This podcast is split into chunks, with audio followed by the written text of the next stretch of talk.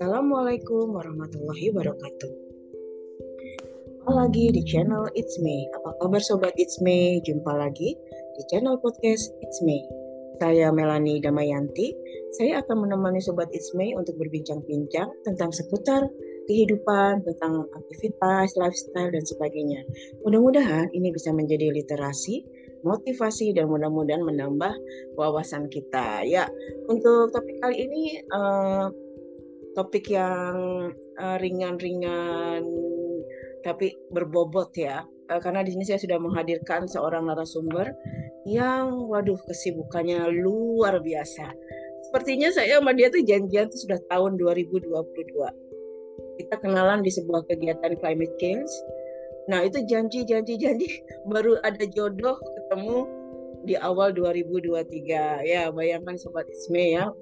Bisa ketemu sama narsum saya yang kali ini yang yang heboh baik hati dan tidak sombong. Ya ya sebelumnya saya mau menyapa dulu Suari Utami Dewi. Saya dan teman-teman biasanya memanggil Tami apa kabar nih Tami? Gimana kabarnya? Hai Mei, apa kabar? Assalamualaikum. Alhamdulillah sehat. Semoga juga Mei dan kawan-kawan di sini sehat. Ya, Sobat Isme, uh, Tami ini memiliki aktivitas yang luar biasa di bidang sosial dan uh, beliau sangat menikmati aktivitasnya sebagai aktivis sosial. Nah, di awal penghujung 2002 ini, mungkin uh, saya sengaja mengundang Tami agar mungkin teman-teman bisa menjadi uh, ini ya apa mungkin motivasi ataupun pencerahan ternyata menjadi aktivis sosial ini merupakan sebuah daya tarik dan mungkin enjoy juga loh kalau kita menggelutinya dengan apa uh, senang hati. Contohnya ini uh, Tami, walaupun gelarnya aktivis sosial, tapi benar-benar dari Senin sampai Minggu ya Tami ya. Senin ya, sampai Minggu. Alhamdulillah. Senin nah, sampai Minggu menyenangkan. Ya. Dan kadang bikin bete juga. Ya. Tapi iya, Terus kegiatan kami ini juga nggak hanya ya, di seputar Jakarta ataupun uh, di Indonesia, tapi ya, aktivitas sosialnya tuh sampai ke luar negeri. Wow, bukan main. Nah, uh, sobat Ismi, memang topik saya kali ini adalah tentang uh, asiknya menjadi aktivis sosial. Kebetulan saya memang pernah juga jadi aktivis sosial, tapi sekarang mungkin lebih banyak menjadi dosen tapi uh, tentunya saya tidak uh, mungkin ya masih tetap ya menjalani aktivitas sosial walaupun tidak full. Saya bacakan dulu ya Sobat Isme, uh, biodata dari Suari Utami Dewi. Kami ini adalah konsultan, penggiat, narasumber, dan mentor isu perhutan sosial, pemberdayaan masyarakat, perubahan dan krisis iklim serta gender. Dia pernah tergabung dalam berbagai proyek nasional dan internasional seperti Elimination Violence Against Women dan MVD di, uh, David Kemitraan, BTRF dan KFCP dari OSE. Kami ini juga adalah anggota tim penggerak kecepatan pengelolaan perhutanan sosial Kementerian Lingkungan Hidup dan Kehutanan yang juga merupakan climate leaders tahun 2009, 2009 di Climate Reality Project. Jadi cukup banyak kan memang kami sepertinya lebih banyak di kegiatan aktivis-aktivis sosial di bidang lingkungan dan kehutanan. Kami ini juga menjadi panelis di panelis ahli di kantor PBB Jenewa Swiss 2019 tentang perhutanan sosial. Wow. Dan ia juga menjadi pembicara dari dalam dua talk show side event conference di Party COP November 2021 di Glasgow UK dan salah satunya bertemakan promoting local leadership for Indonesian Sing Polo 2030. Wow, bukan main ya. Jadi dari Jenewa ke UK. Kami menyelesaikan S1 kriminolog ya uh, di UI dan uh, beliau juga um, pendidikan S2-nya di Monash University Australia dengan matrikulasi pasca sarjana Sekolah Tinggi Filsafat Riyakara. Wah, wow, bukan main banyak sekali nih Tami aktivitasnya. Tami sekarang lagi sibuk apa nih Tami? Aku lagi sibuk apa ya? Uh, sekarang ini adalah periode di mana aku mulai mengaktifkan otak kembali untuk bersekolah. Uh, ada sekolah, biasalah sekolah doktoral yang belum selesai dan aku harus selesaikan. Um, mm-hmm. Kemudian uh, menulis baru kemarin tanggal 31 apa 30 Desember keluar buku PDF tentang apa um, Azumari Azra tentang Prof Azumari Azra. Jadi aku mengedit uh, 31 tulisan para sahabat uh, Prof uh, almarhum Profesor Ajmadi Azra sekarang sedang masih mengedit dan proofreading untuk uh, sekitar 60-70 tulisan tentang almarhum Buya Syafi'i Ma'arif plus sedang menyelesaikan editan buku tentang perhutanan sosial sama beberapa buku tentang gender. Jadi agak-agak sedikit gak tahu ah gitulah pokoknya. Ya. Sambil gitu. Jadi selain aktivitas sosial bukan main masih sempat nulis ya, juga masih uh, melanjutkan kuliahnya. Wow, luar biasa. Berarti uh, kira-kira waktunya sehari masih 24 jam ya Tami ya? Um, masih kayaknya masih masih masih seandainya mungkin bisa dilebihkan mungkin kalau bisa sehari nggak lebih dari uh, ini ya bisa lebih 24 jam kali ya um, ya enggak juga sih tapi maksudnya adalah enggak enggak uh, iya benar benar juga sih tapi maksudku 24 jam itu yang kita jalani juga aku bersyukur karena ternyata walaupun kadang kurang uh, apa ya kadang tidurnya tiga jam kadang tidurnya enam jam kadang harus kadang ya nggak apa-apa gitu loh jalani aja. Jadi aku tuh nggak pernah mikir apakah 24 jam cukup apa kurang nggak. Karena uh, jalani ya jalani dengan rasa syukur dan yang penting happy gitu ya Tami ya. Nggak um, selalu happy. Oh, uh, gitu. jadi nggak uh, selalu happy. Tapi kan um, kalau misalnya lagi kesel nggak apa-apa kesel. Bilangin ngomongin marah manyun udah. Tapi ya udah itu jangan terlalu lama gitu loh. Kalau ya aku tuh gitu. Kayak yeah, kayak yeah. kemarin itu aku lagi rapat uh, di sesuatu itu di satu komunitas literasi. Kok aku kesel sama satu senior? Aku bicara aja sama dia. Uh, mm -hmm. dan kesel aku bilang aku kesel ya udah habis itu kita baik lagi dan segala macam dan habis itu kita merayakan satu ulang tahun senior lain di di situ dan nggak apa-apa gitu loh jadi maksudku uh, kebahagiaan itu kan itu pilihan ya dan kita yang mengelola. Betul, benar, benar. Kalau pas misalnya ternyata kita lagi capek, nggak apa-apa. Eh, pikiran kita, hati, otak kita tuh punya hak buat capek. Kalau hmm. lagi capek, misalnya nih gini kan, karena sekitar beberapa saat terakhir ini memang fokus menulis. Cuman karena aku tuh uh, agak punya kebiasaan unik, nulisku itu kan di HP nih, di HP smartphone. Jadi kalau orang hmm. di laptop, ngeliat laptop tuh bingung. Aku tuh udah sekitar 5-6 tahun nih ngeliat laptop tuh nggak terlalu uh, kupake gitu. Ada tapi nggak terlalu kupake. Jadi, nah karena ini terlalu uh, sangat ringan ya dan karena ada smartphone dengan segala pintarannya itu, jadi aku bisa mengedit uh, me, ataupun menulis sembari aku melakukan aktivitas. Jadi misalnya ini sekarang nih aku sambil menjawab WA teman sambil ini gitu bukan berarti aku tidak konsen tapi uh, apa ya sudah mulai terbiasa eh, terutama sejak masa pandemi itu membiasakan diri kita bisa konsen belah kepala itu uh, maksimal tiga. Uh, tanpa kehilangan konsentrasi satu dengan yang lain. Jadi biarpun menulis tetap aja uh, apa ada kegiatan yang memang kegiatan komunitasku yang aktif itu sekitar 10 datang datang uh, melaksanakan misalnya nanti aku harus uh, rapat meeting atau ke lapangan untuk pertahanan sosial lakukan itu nulisnya juga lakukan uh, ya selesai juga sih semua gitu Oh, bukan main. Nah, uh, kami mungkin mau, saya mau nanya nih, mungkin Sobat Isme juga pengen tahu. Uh, sejak tahun berapa tuh kira-kira uh, kami sudah mulai fokus pada aktivis aktivitas sosial.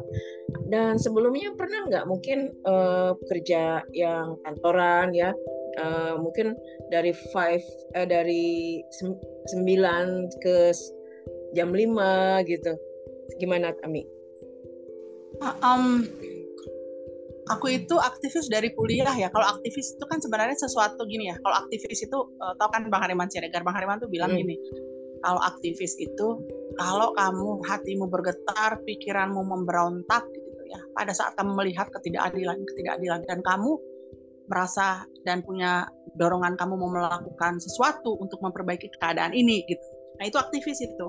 Jadi setiap orang tuh bisa bisa bisa jadi aktivis, bisa gitu. Ada kawanku yang pensiunan uh, eh, PNS dia melihat sesuatu ini nggak pas dia jadi aktivis. Ada orang jadi aktivis itu sebenarnya bisa datang dari mana pun dari siapa pun di mana pun kamu. Jadi kalau misalnya kamu merasa tidak adil sesuatu atau apa itu suarakan dan itu uh, aktivis. Nah aku itu uh, apa ya kalau misalnya kenal yang dunia aktivis itu memang dari kuliah dulu kan waktu di kriminologi itu uh, ada kawan-kawanku yang di Kaliana Mitra mereka LSM perempuan pertama oh, di Indonesia. Oh, iya iya.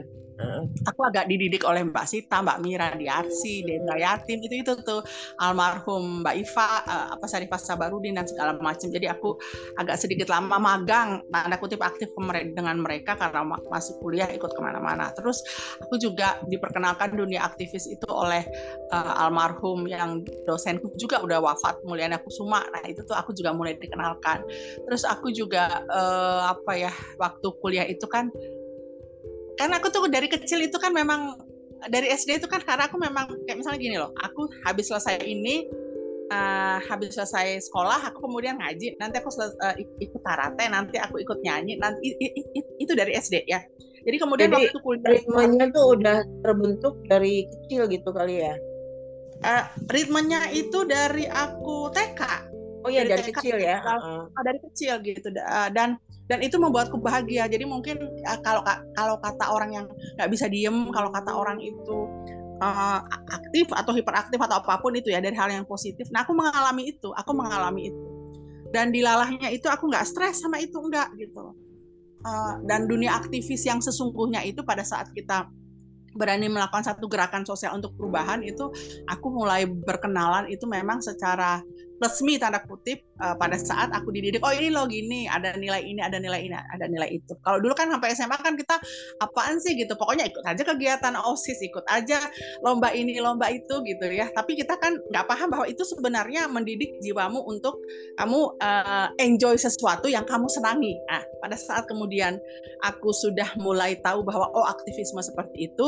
Kebetulan juga um, kalau di aktivis tuh apa ya kalau aku tuh ngeliat di aktivis itu kan ada kayak nasab gitu loh ada kayak uh, kamu ini dididik oleh siapa gitu ya kamu itu di di di apa di kader oleh siapa jadi aku itu kebetulan dari kuliah itu agak beruntung karena yang mengkaderku mendidikku itu aktivis-aktivis besar Indonesia gitu. Hmm. Jadi kita tuh kalau di dunia aktivis yang tanda kutip itu kita akan tahu nih orang aku aktivis kita tahu dia aktivis apa tidak. Karena kita akan bisa me, menelusuri dia itu didikannya siapa gitu. Dia itu dikader oleh siapa.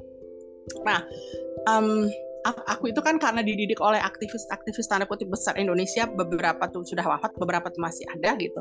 Cuman uh, yang ngedidik itu agak-agak sedikit banyak.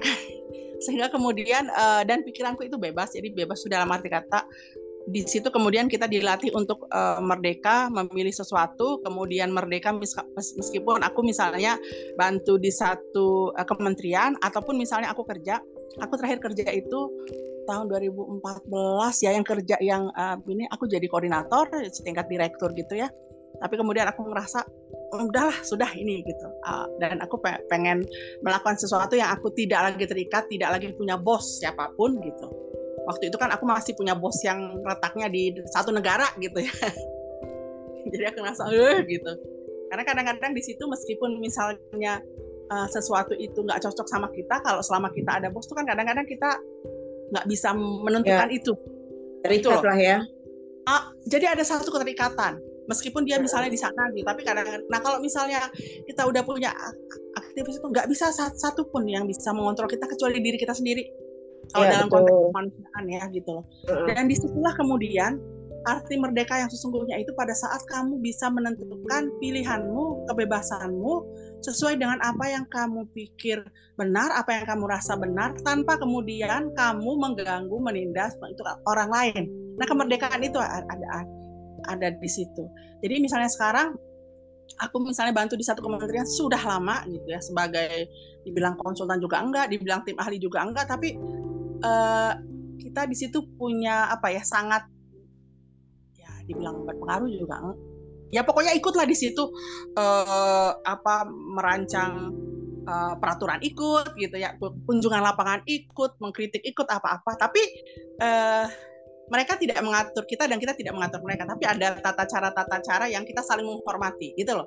Nah maksudku di situlah ya. kemerdekaan. ya Ah, ah di situlah uh. kemerdekaan kita pada saat kita menjadi aktivis, tapi kita tidak dibawahi, dibosi oleh siapa pun, dan di situlah kemudian kita bisa mengaktualisasi diri. Nah mungkin inilah kunci bahagia, kunci bahagia itu dalam arti kata bahagia itu pilihan. Uh, yeah. ya ya bagi orang yang tidak mengalami mungkin agak rumit misalnya nah. akan berbeda Gimana sih soal gaji? Jadi waktu aku 2014 waktu aku memutuskan tidak punya gaji dari siapa pun itu kecuali dari aku aku jawab gini uh, aku sudah memutuskan dan berpikir bahwa aku menerima gaji bukan dari bos bukan tapi aku menerima gaji dari Allah gitu. Dan uh, terus? Iya nggak apa-apa sampai sekarang survive. Uh, dan yeah, bisa nyoba yeah. kuliah mengebantuin ya, ya gitu. Um, dan bisa melakukan banyak hal. Jadi apa ya dan dan dan dan, dan di situ kemudian aku mikir begini oh iya ya ternyata inilah pertukaran ya pertukaran aku bilang pada saat kemudian kita bilang uh, kadang tuh kita kayak suka ngomong sama Allah gitu nggak sih? Uh, jangan dibilang aneh ya. Karena aku kadang suka nah, apa apa bilang gini uh, aku memilih ini ya Allah gitu aku memilih ini gitu. Jadi uh, dan di situ aku mikir oh kalau begitu pada saat aku memilih ini ya udah jalani aja gitu. Nah aku bilang sama Allah gini, uh, aku melaksanakan tugasku kewajibanku sebagai manusia. Aku uh, apa punya kebebasan memilih selama itu apa tidak sesuai dari uh, nilai-nilai Islam apa segala macam. Uh, yang aku jalani itu adalah proses mengalami berusaha tidak memikirkan apakah itu gagal apa berhasil. Karena gagal apa berhasil itu sudah di tangan Allah sudah ranah Tuhan. Kenapa kemudian orang suka stres kalau menurutku sih dia misalnya pengen buat sesuatu ah gue pengen buku nih bestseller. Jadi buku itu bestseller apa enggak itu udah urusan nanti. Yang penting kamu berusaha menghasilkan buku itu bagus-bagusnya kalaupun ya, misalnya betul. buku itu bagus ya nggak apa-apa gitu loh. Ya, jadi, jadi aku pun maksimal lah dalam berusaha hasil nah, mungkin nah. nanti ya. Nah, sama misalnya ya yang aku tuh belajar tentang keajaiban sama aku bilang pertukaran dan kasih sayang dari Allah tuh gini kalau misalnya kan kawanku bilang lo berhenti ya dari satu kerjaan yang waktu itu tuh gajinya ribuan dolar gitu. Gede gitu orang bilangnya di satu itu internet berani nekat gitu. Terus lo mikir nggak nanti habis ini mau jadi apa? Aku bilang enggak aku mau jadi diriku dan aku mau melakukan hal untuk banyak orang. Karena kalau misalnya aku hanya terikat di satu lembaga begini aku hanya akan fokus pada tujuan lembaga itu. Pada uh, karena kalau kita mau cuti mau apa kan kita juga tahu diri dong gitu kan ya. Uh, kamu berada dalam satu kontrak atau ikatan gitu meskipun lembaga itu tuju, tujuannya bagus kita bisa melakukan dua misalnya atau tiga atau empat. Tapi pas pada saat aku membebaskan diri dan tidak mengabdi sama siapa pun gitu ya kecuali pada Tuhan gitu pada kemanusiaan gitu ya pada dia itu aku ngerasa bahwa kita tuh bisa melakukan banyak hal. Kalau pikiran kita manusia kita akan bilang gila lo ya lo nanti ngidupin keluarga anak apa itu dari mana gitu ya atau lo bisa itu. Itu kan hitungan manusia ternyata dan pada saat kemudian kita nggak mikirin itu kita pokoknya misalnya ada petani minta ini gitu kita advokasi udah puluhan tahun ya uh, hak untuk uh, akses lahan di kawasan hutan untuk dikelola para petani miskin itu karena sepertiga dari orang miskin di Indonesia ada di kawasan hutan sekarang tuh mereka udah dapat akses kelola itu. Kalau dikalikan keluarga itu jumlahnya 5 jutaan orang itu yang sekarang masih sedang kita lakukan. Itu tuh Allah tuh ngasihnya banyak banget tuh nggak yang kita nggak kepikiran kalau kalau kamu misalnya berhenti kamu tuh gajinya sekian loh, kalau kamu berhenti kamu tuh apa masa depan? Enggak. Anakku bisa kuliah dengan tempat kuliah yang bagus.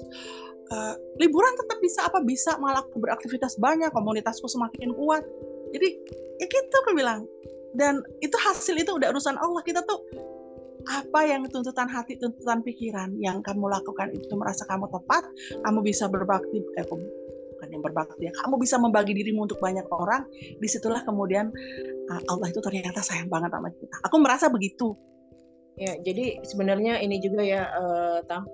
Uh, ibaratkan ibaratnya kalau kita memberi kepada orang lain berbuat baik kepada orang lain itu sebenarnya juga berbuat baik pada diri kita sendiri. Ya seperti itu ya. Ibaratkan uh, men menebar dan kita pasti akan menuai uh, karma baik. Iya Yeah. Walaupun kemudian sebenarnya aku nggak pernah mikir itu ya, kecuali kalau pas misalnya kayak Mei bilang tuh begitu aku bilang iya ya benar ya gitu. Tapi sebenarnya kalau secara jujur sih aku nggak pernah mikir misalnya gini loh, aku ini terus nanti kalau petaninya tuh tiba-tiba pas dia dapat akses itu kan aku tuh heran kok ada petani yang pas kemudian dia dapat akses pengelolaan gitu dia sampai nangis-nangis meluk-meluk aku tuh bingung si bapak tuh ya aku ikut nangis gitu tapi ta, tapi aku bingung kenapa ya gitu kok sampai dia begitu gitu ya uh, dia dia tuh cerita gitu oh apa ter ter apa namanya kalau Ijon itu terjerat sama utang Ijon apa segala macam sangat miskin atau apa kelompok tani itu aku ingat dulu di Jogja. Aku balik 13 tahun kemudian ya di desa itu itu yang di satu desa di Gunung Kidul yang dulu kalau mereka itu mau nyekolahkan anak sampai SMP itu aja susah luar biasa loh rata-rata SD sekarang itu aku tuh balik ke situ 13 tahun dia dengan bangga bilang ini sekarang kelompok ini yang ngelola ekowisatanya itu cucu saya. Cucu saya ini sudah kuliah dan bahasa Inggrisnya bagus buat kelongok-longok kasih gitu loh. Terus dia nangis meluk-meluk aku. Aku baru sadar ah ini tuh yang kita lakukan dulu berapa belas tahun yang lalu. Hasilnya oh, baru kelihatan ya. Ah dan kemudian aku tuh ya ampun aku bilang ternyata yang dulu tuh aku pikir ini hanya kegiatan biasa ternyata luar biasa. Dan di situ tuh kemudian aku merasa bahwa oh iya benar ya pilihanku untuk bebas membagikan diriku dan apa ya tidak egois hanya untuk uh, gue pengen kerja karena gue kaya atau gue pengen kerja karena anak-anak gue pengen sekolah bagus atau apa. Ternyata kasih Allah tuh berlebih-lebih gitu loh itu yang aku sampai sekarang aku masih apa ya mensyukuri dan masih terengah-engah soal itu aja meskipun sudah puluhan tahun oh ternyata maksud Tuhan tuh begini maksud Tuhan tuh begini. Nah, gitu. bukan main ya. Jadi uh, memang pada dasarnya aktivitas apa pun selama itu mungkin kita enjoy dan ada hal-hal kebaikan yang kita yakini itu pasti akan uh, kebaikan itu kembali buat diri kita. Nah, Tami, uh, mungkin pernah nggak sih terlintas ya dalam pikiran gitu loh, uh, mau bekerja kantoran yang mungkin ritmenya lebih teratur, uh, mungkin jamnya lebih teratur pernah nggak kepikiran atau ingin seperti itu?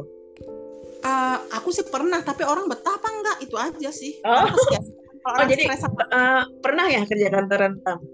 Sampai 2014 itu sampai aku aku bilang tingkat aku tingkat direktur, tingkat koordinator itu koordinator uh -huh. nasional. Itu pernah kan? Cuman nanti bosku yang di Australia eh kok gue nyebutnya? Itu ya bosku di mana gitu? Dia stres juga. Aduh si Tami kan seharusnya begini begini atau kan aku tuh kalau untuk kalau udah ke petani itu kan aku akan bilang uh, kalau aku kerja itu kan aku pasti bilang gini uh, sampai 2016 tuh aku masih part time hmm. bilang begini tuh uh, kalau udah uh, apa ya kontrak kerja atau apa tuh aku akan bilang ada satu hal yang aku nggak bisa tinggalin yaitu kerja untuk uh, orang mis orang yang membutuhkan. Kerja untuk uh, apa namanya kerja untuk uh, marginal kelompok marginal. Jadi kalau misalnya itu calling itu ada memanggil gitu ya, aku harus diizinkan. Lah, terus orang akan mikir, eh emang lo siapa lo gitu, sudah di hire sudah apa suka-suka gitu kan? Kan kasihan orang. Kalau misalnya kita kan dekat, ya udah nggak apa-apa, gue kabur-kabur aja. Cuman kan tidak bisa begitu ya. Jadi maksudku pertanyaannya itu dia betah nggak sih sama aku gitu. Iya iya. Nah, sekarang berarti setelah 2014 sudah benar-benar ini ya full uh, kerja independen, mengatur waktu sendiri dan juga uh, inilah lebih fokus kepada aktivitas sosialnya gitu ya Tami ya. Aku bukan bilang kerja, aku melakukan hal-hal yang kusukai. Oh. Kalau udah kayak begini saya jadi ingat seperti apa uh, quote atau kata kiasan follow your heart ya. Jadi ya, benar, mengikuti benar. apa kata hati kita gitu loh. Ya memang benar kalau hati kita mengatakan udah kita enjoy yang ini, walaupun orang lain mengatakan kok mau ya, kok bisa ya, ya itulah emang jalan kita seperti ini emang hati kita yang jalannya ke arah sana ya kayak gitu, gitu ya Tami ya bisa bisa karena aku berpikir tuh gini tuh kalau udah hatimu tuh begitu kadang kita lawan padahal itu udah panggilan ilahi kalau udah panggilan ilahi itu Eh, nggak uh, ada salahnya kita ngikutin itu gitu loh kita akan yeah.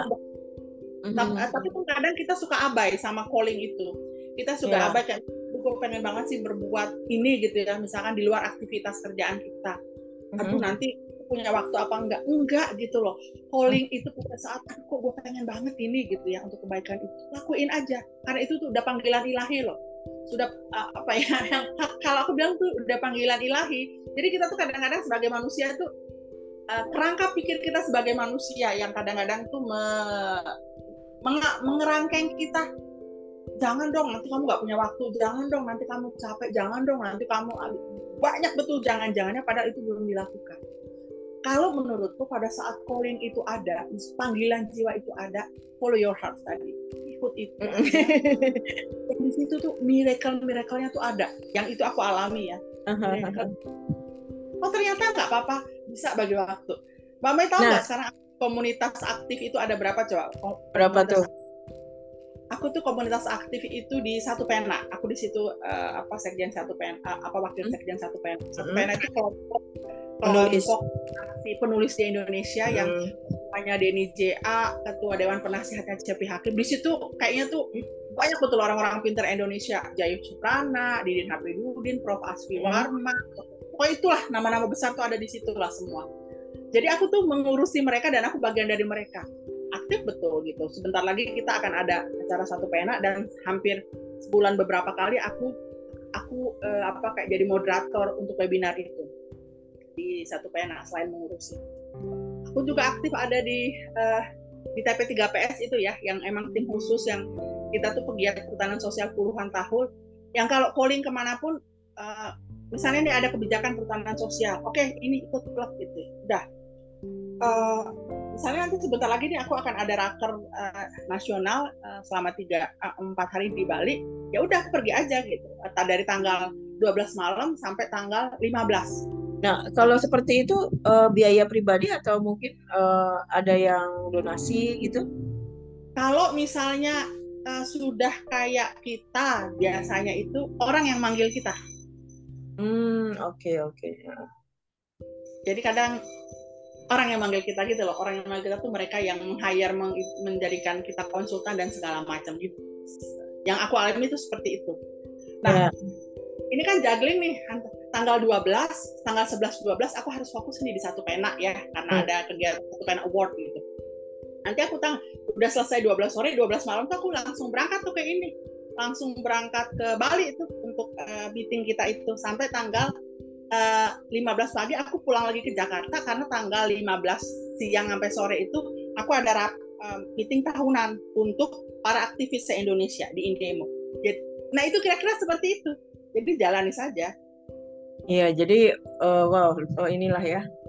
Walaupun tidak berkantor, tapi uh, aktivitas kerjaan tetap banyak banget dan memang kalau kita niat banyak yang bisa kita lakukan ya kami ya uh, dan yang namanya kalau kita mikirin aku dapat apa enggak uh, tanda kutip uh, uh, apa kalau gaji bulanan nggak dapat. Kan beda kan aku bukan untuk pekerja hmm. cuman kalau yang namanya aku bilang rezeki dari Allah itu dari tangan mana pun di mana pun dalam yeah, betul. Uh -uh. betul ada. Betul ada.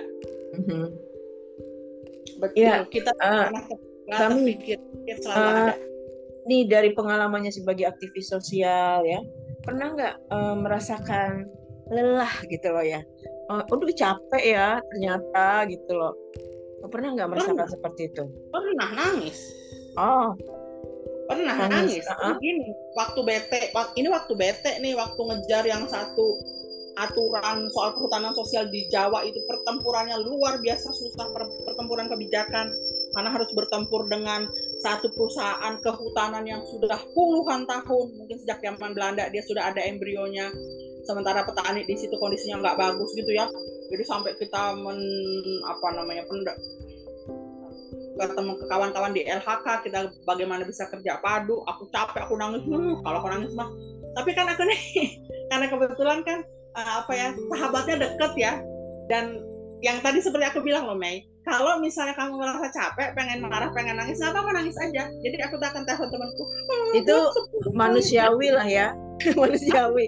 Marah ya. capek nangis ya kan? Uh -uh. tapi kemudian sesudah aku selesai nangis sesudah aku selesai ngomong mana gitu udah lega dan kemudian kamu dapat energi baru untuk melakukan lagi aktivitas itu lagi. Ya, betul ya. Jadi memang sebagai manusia tuh kita ya pekerjaan apa pun juga termasuk aktivis sosial itu pasti ada rasa capek dan apalagi mungkin kerjaannya juga mungkin banyak ya. Nah, kira-kira apa nih Tami tantangan menjadi aktivis sosial nih? Tantangan kalau menjadi aktivis sosial tuh gini, itu adalah satu ke hobi, kegemaran, kecintaan, eh, pekerjaan batin pekerjaan batin yang tidak akan pernah henti bahkan mungkin sampai kamu akhir hidupmu. Gitu. Itu sesuatu yang terus ada terus ada. Dia tidak mengenal pensiun. Aktivis itu aktivisme itu tidak pernah mengenal pensiun. Panjang hayat lah ya. Sema, uh -uh. semasa mampu lah gitu ya Tami. Ah uh -uh karena itu tantangannya itu akan ada perkembangannya akan ada dan kemudian kita harus tahu bagaimana kemudian mensiasati kita harus tahu bagaimana kerja berjaringan kita harus oh banyak lah gitu ya dan harus belajar banyak hal baru. Misalnya oh aku misalnya udah berapa puluh tahun jadi aktivis pada saat kemudian kita harus melakukan sesuatu misalnya lewat media sosial kita kan masih gaptek nggak ngerti itu ya bingung-bingung kita gitu loh. Nah itu kan harus sesuatu belajar tantangan juga gitu kan tantangan ada perubahan zaman atau apa uh, tantangannya banyak tapi pesan um, menurutku tuh aku bukan bilang pesan pengalamanku itu adalah apa pun itu jalani saja apa pun itu jadi aktivisme itu adalah panggilan hidup, panggilan jiwa, kecintaanmu untuk memperjuangkan sesuatu yang bernilai keadilan. Dan karena itu sesuatu sifatnya bernilai keadilan, maka sampai kapan pun persoalan ketidakadilan itu ada. Tantangannya pasti banyak. Nah, nah kalau dari cara, dari pihak keluarga sendiri saja. ada ini nggak Tami? Semacam mungkin kalau dulu masih ini ya masih kuliah tantangan dari orang tua yang mungkin kadang-kadang kan orang tua pengennya kamu kerja inilah apa mungkin yang lebih settle di perusahaan gitu loh atau sekarang dengan pihak keluarga ada nggak mungkin komplain dari mereka seperti itu enggak oh enggak, enggak. malah support ya aku, aku aku tuh bawa anak-anakku dari kecil itu sampai sampai mereka tuh usia tujuh tahun ya. Mm-hmm. eh usia mereka masuk sekolah enam tahun itu baru aku tidak membawa mereka ke mana-mana. Um, karena udah SD kan nggak bisa aku sering ajak bolos kalau TK masih bisa. Tapi sekarang mereka aku lihat yang baru masuk kuliah dia sudah bisa menulis puisi tentang uh, soal korupsi dengan sangat bagus menurutku ya. Yang setelah baru sedang sekolah di filsafat Widyarkara itu dia bisa menulis satu tinjauan filosofis dengan sangat kritis. Anakku yang perempuan itu dia sudah sejak usia 15 tahun koran apa um, cerpen-cerpennya yang kritis itu masuk Kompas. Dan sampai sekarang dia jadi penulis di Kompas dan di media Indonesia. Jadi maksudku um, ternyata tuh emak yang aktivis. Ah gitu loh. Emak yang aktivis ini adalah kita tuh harus berani menerobos mitos. Mitos tuh gini orang bilang kalau ibu aktivis hidup maka dia tidak akan bisa memberikan sesuatu terhadap anaknya. Dari pengalamanku enggak sih. Anak-anak nanti nggak terperhatikan enggak. Anak-anak itu nggak ngobrol nggak deket sama kita enggak. Deket ngobrol apa akan jadi anak broken home enggak gitu loh. Behave dan prestasinya ya keren lah di atas rata-rata gitu. Ya, ya?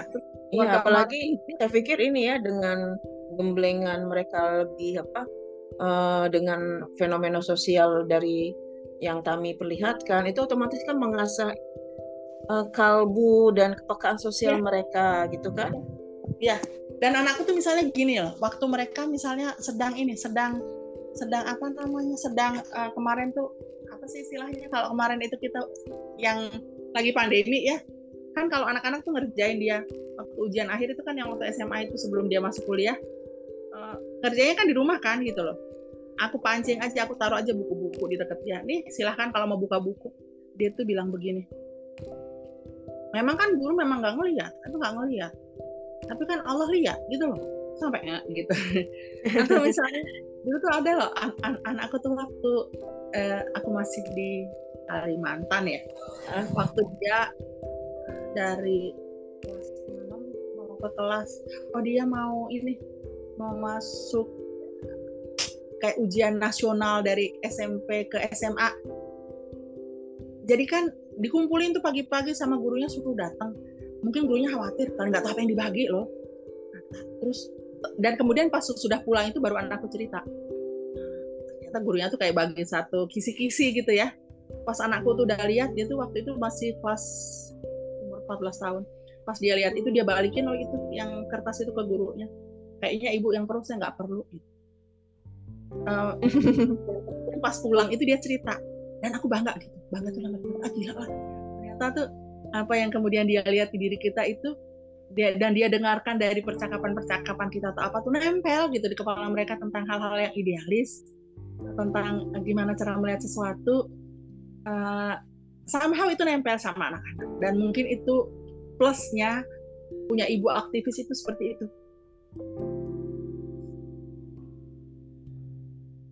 ya bukan main ya. Jadi memang uh, di satu sisi ini juga ya apa anak-anak ternyata kepekaan sosialnya lebih uh, terasah dengan orang tua yang aktivis, otomatis sepertinya mempermudah mereka ketika terjun di masyarakat ya Tami ya. Jadi mereka juga lebih peka dan mungkin akan lebih ini juga mengikuti jejak mamahnya nanti ya. Kayak, kayak kayaknya masing-masing deh mereka. Tapi maksudku kan kalau ke setiap dari kita tuh kan ada fondasi ini ya, ada fondasi apa ya?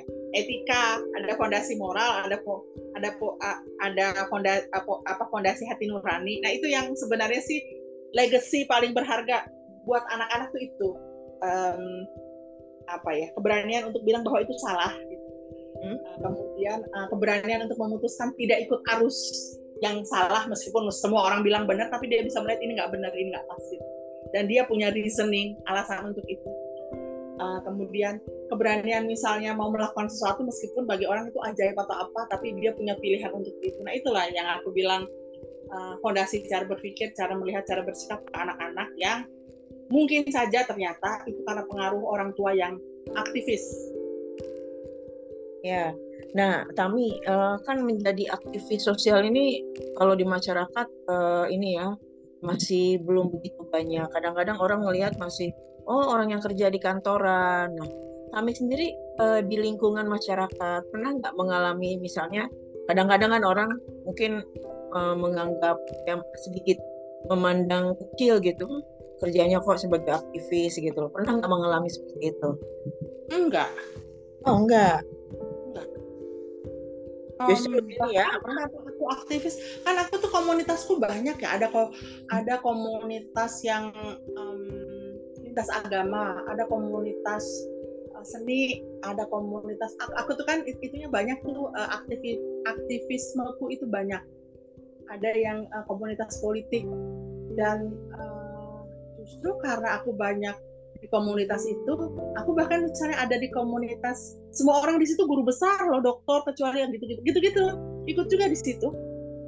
Oh oke. Okay. jadi uh, masyarakat sendiri mungkin nggak inilah ya nggak terlalu memandang ini ya memandang kecil. Karena memang aktivitasnya ini aktivitas sosial yang uh, melibatkan banyak orang dan juga uh, dengan background yang beragam dari segi pendidikan budaya wah jadi uh, inilah terlihat ya outputnya.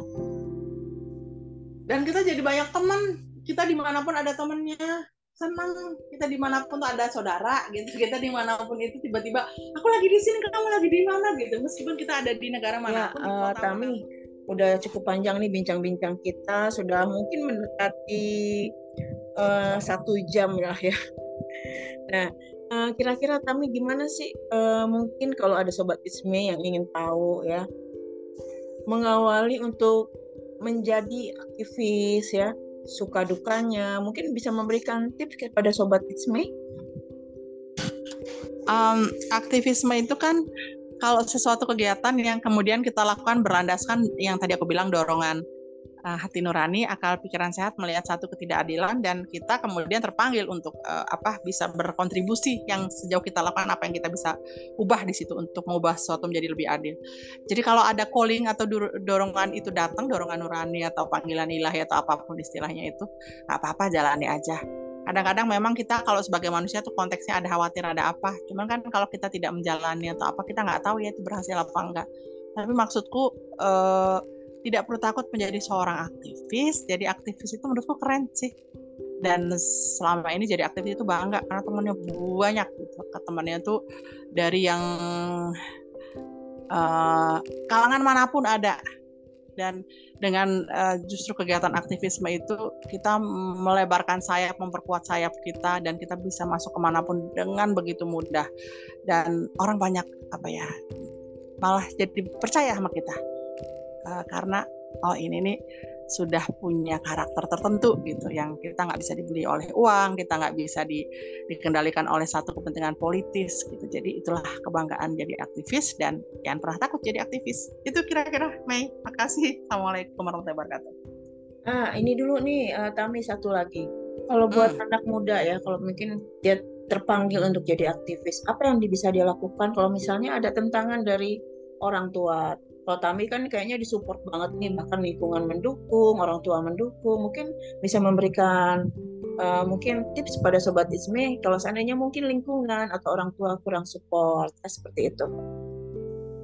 Um, sebenarnya itu pembuktian sih ya. Kalau orang misalnya orang misalnya ada sesuatu misalnya ya orang melihat itu sesuatu nggak berguna atau rendah atau apa apa tentang, hal siapa pun itu pembuktian saja. Kalau kita konsisten bahwa dan kemudian akan terbukti baik, waktu akan.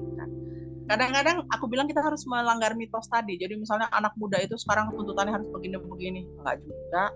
Aku sekarang sedang mendidik beberapa milenial untuk perhutanan sosial gitu. Di, ada di ujung Indonesia timur, ada di bagian tengah gitu, ada bagian Sumatera, mendidik bagaimana idealisme, bagaimana jadi pendamping yang sesungguhnya gitu ya.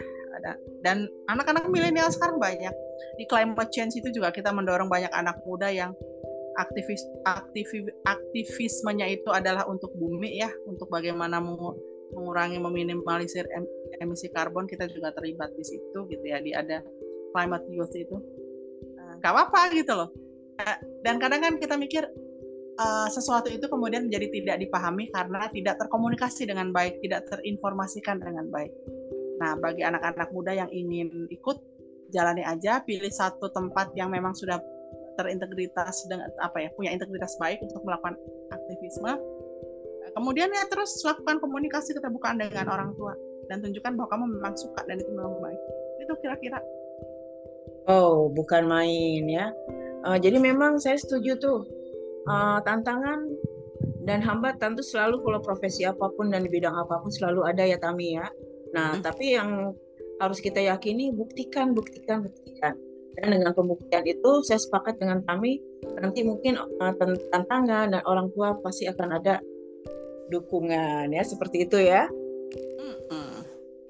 Ya sobat Isme yang mungkin apa tertarik ya yang ketika kuliah masih jadi aktivis dan mungkin sampai sekarang masih menjadi aktivis uh, don't worry soal tadi gaji ya kan seperti kata Tami. Allah sudah mengatur rezeki kita masing-masing. Dan lakukan sesuatu berdasarkan hati nurani kita. Lakukan sesuatu yang mungkin memiliki manfaat bagi banyak orang ya seperti itu. Ya uh, Tami terima kasih sekali ya udah memberikan waktunya ya untuk bincang-bincang dengan Sobat Isme tentang uh, asiknya menjadi aktivis sosial ya mudah-mudahan ini bisa menjadi manfaat uh, bagi sobat Isme dan juga mungkin bisa menjadi ah uh, bagi Tami yang sudah merelakan waktunya gitu kan ya sobat Isme uh, demikian bincang-bincang saya dengan Suari Utami Dewi seorang aktivis uh, sosial Terima kasih Tami, saya ucapkan sekali lagi dan semoga kita semua bisa memberikan manfaat pada banyak orang. Salam sehat, salam literasi. Bye-bye. Makasih.